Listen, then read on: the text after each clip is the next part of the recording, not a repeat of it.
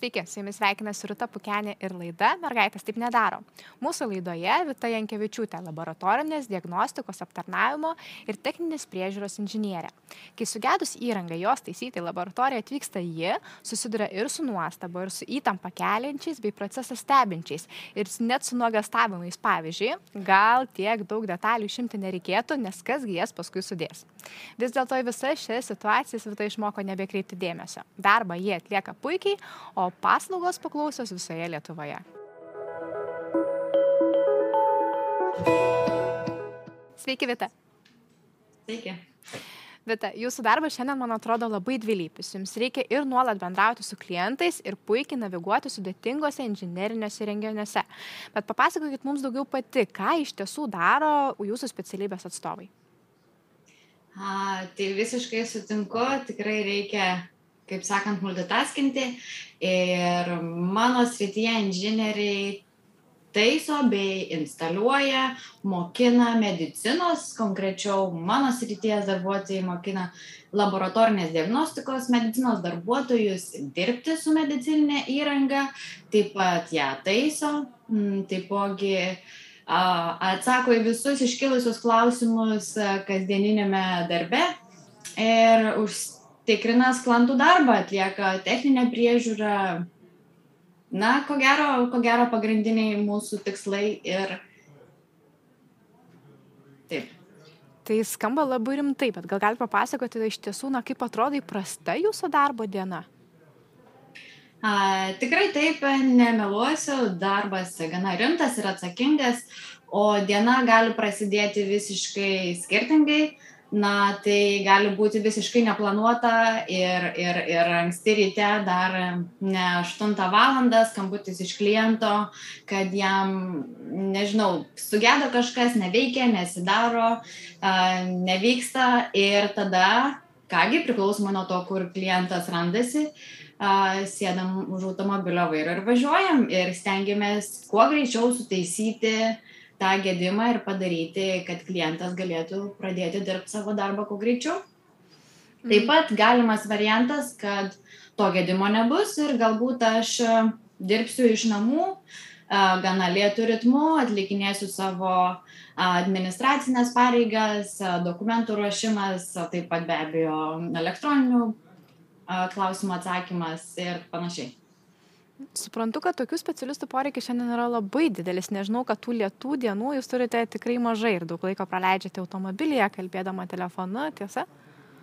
A, tikrai taip, telefonas ir automobilis mano, e, ko gero, vieni iš artimiausių darbo įrankių ir, ir automobilyje jau turiu kaip ir savo tokią jaukę erdvę ir toks neįsivaizduočiau savo dienos be jo.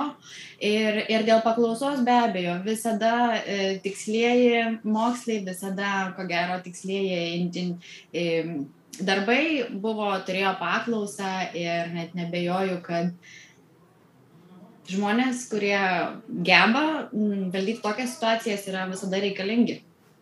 O kodėl jūs pati pasirinkote šią sritį, kaip į ją atėjote? Ko gero viskas prasidėjo dar gerokai anksčiau, negu būtų galima įsivaizduoti.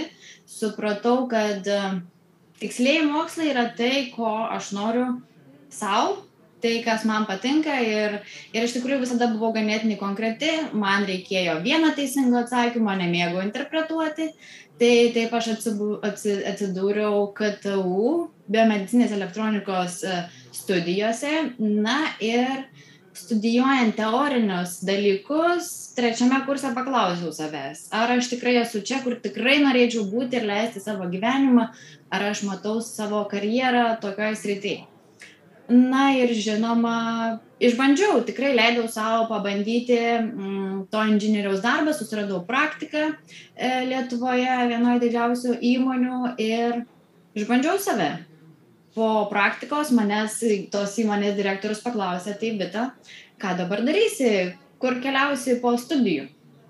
Tai taip gavosi, kad gavau darbo pasiūlymą iš praktikos e, įmonės direktoriaus ir vis dar sukuosi toj pačioj srity, nors darbą jau teko pakeisti, tačiau sritis yra visiškai ta pati. Dirbti pradėjote dar studijų metu, pradėjote nuo praktikos. Niekada nepasikailėjote pasirinktas rytimi. Turbūt na, nebuvo visiškai lengva eiti šiuo keliu. Tikrai taip, visiškai lengva nebuvo eiti šiuo keliu. Apskritai pasirinkti Lietuvą nėra visada pats lengviausias pasirinkimas, tačiau matyti žinau, kad noriu uždirbti pinigus savo, pasidėti savo e, socialinį stiprų pamatą, turėti visas garantijas.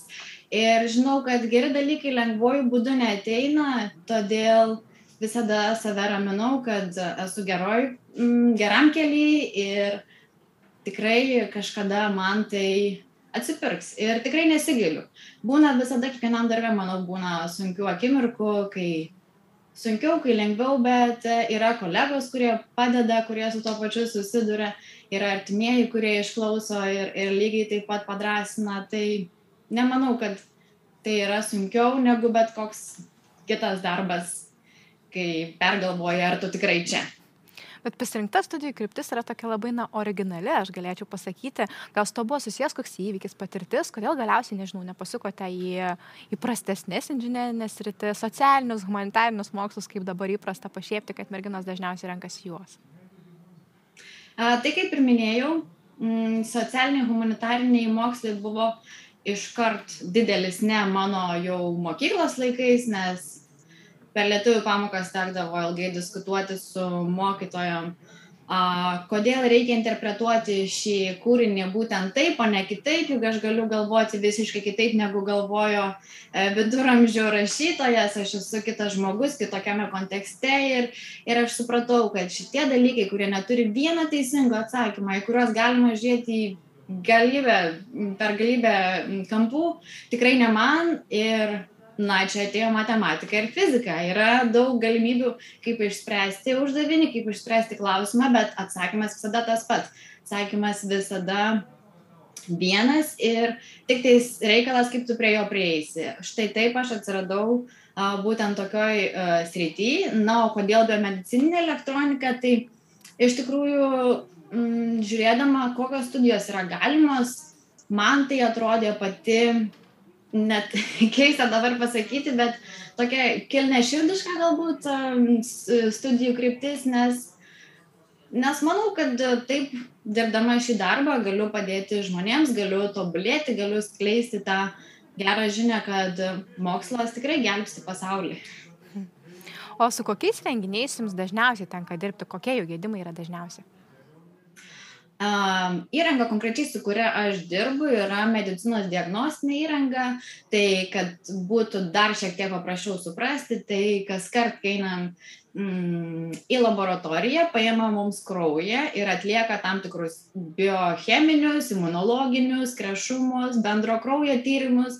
Tai visi šitie pavadinimai už jų stovi įranga, kurią aš instaliuoju, taisau, su ją dirbu. Na, o gedimai tai būna patys įvairiausi. Ir čia yra ne tik elektronika ar, ar, ar pats įrenginys kaip mechaninis įrenginys, taip pat yra ir daug skyščių, yra ir žmogaus kraujas, taip kad gali interferuoti bet kas su bet kuo. Ir taip atsiranda tikrai įvairių į, į, į problemų, kartais būna tai gedimai mechaniniai, paprasčiausiai sudyla detalės, kaip ir bet kur, kaip ir bet kokiam automobilyje, sakykime, ar skalbimo mašinoje kartais tai būna visiškai netikėti, sakykime, reagentai kažkokie būna e, ne visiškai geri arba tai gali būti tikrai bet kas. Gali būti, kad kokybės kontrolė neina ir, ir tai reikia išspręsti. Ir kartais būna paprasčiausias programinės įrangos suvedimas um, informacijos negeras ir dėl to E, būna negedimas, bet tai būna nesusipratimas, kas toliau neleidžia dirbti klientui ir be abejo kreipiasi į mane.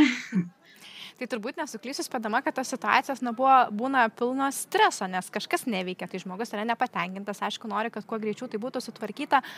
Kokių reakcijų jums tenka sulaukti atvykus į gedimo vietą? Dažnai tenka susidurti su stereotipais, nes esate moteris ir dirbate tekstrityje. Būna, kas ištaria, ne jūsų laukiam. Um, tikrai taip, reakcijų yra pačių įvairiausių, bet ko gero tos reakcijos e, nėra tokios dažnos, todėl kad turiu pastovius savo klientus ir su jais dirbu. Bet visada su tais savo pastoviais klientais e, įvyksta tas pirmas kontaktas, kai aš pirmą kartą pas juos atvažiuoju, jie mane pamato, o tikisi juk vyriškio, gražaus, augaloto, stipraus vyriškio, o čia stovi mergina ir kągi mes su ja darysim. O pasirodo, jinai eina ir dirba tą patį darbą, lygiai taip pat, su tais pačiais įrankiais, šneka tą pačią kalbą ir, ir viskas. Ir kai klientai pasipamato, kad, kad net ir mergina turi dvi, gal, dvi rankas ir galvą, tai įmanoma viskas tas pats, ką gali padaryti vyras. Ir tada tie stereotipai lūžta ir su klientais tikrai atsiranda tas betarpis ryšys.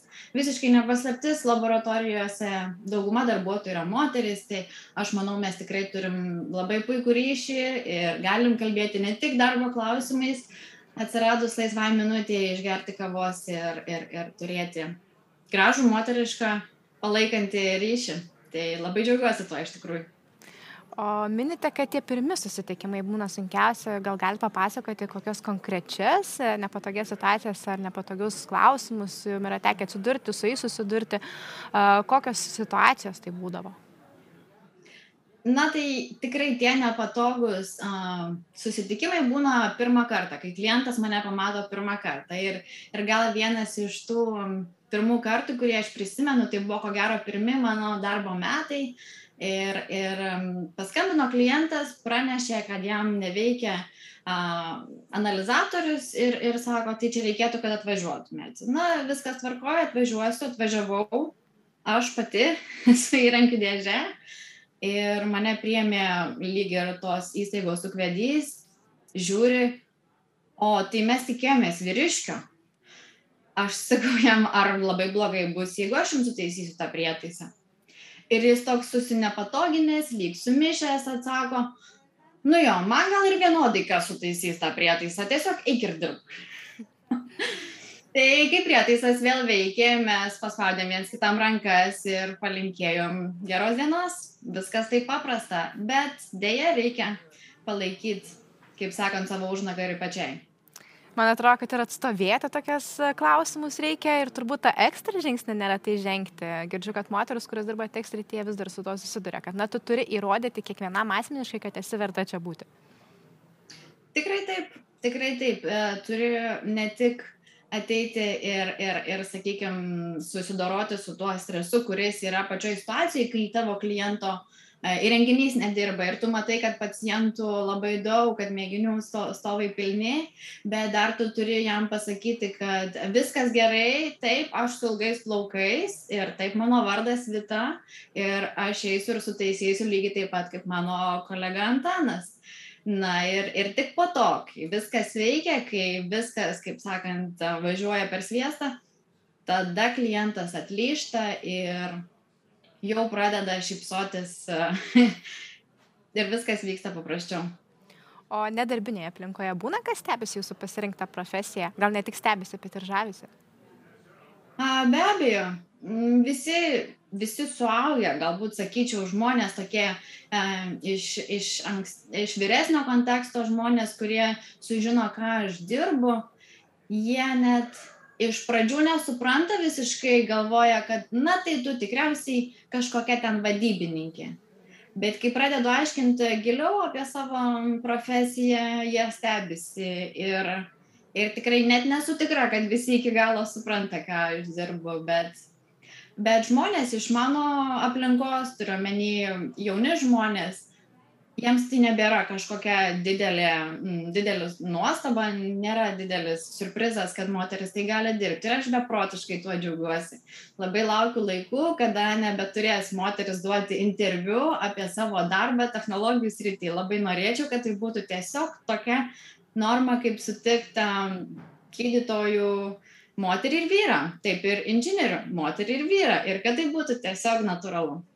Mano tikslas tikrai yra tas pats. Aš tikiu, kad tokios asmeninės istorijos, kokią dalinatės jūs, tikrai labai įkvepia, bet gal jūs galėtumėte irgi dar savo išvalgomis pasidalinti, tai ką galėtumėm papildomai padaryti, kad moterų teksto rytyje būtų daugiau.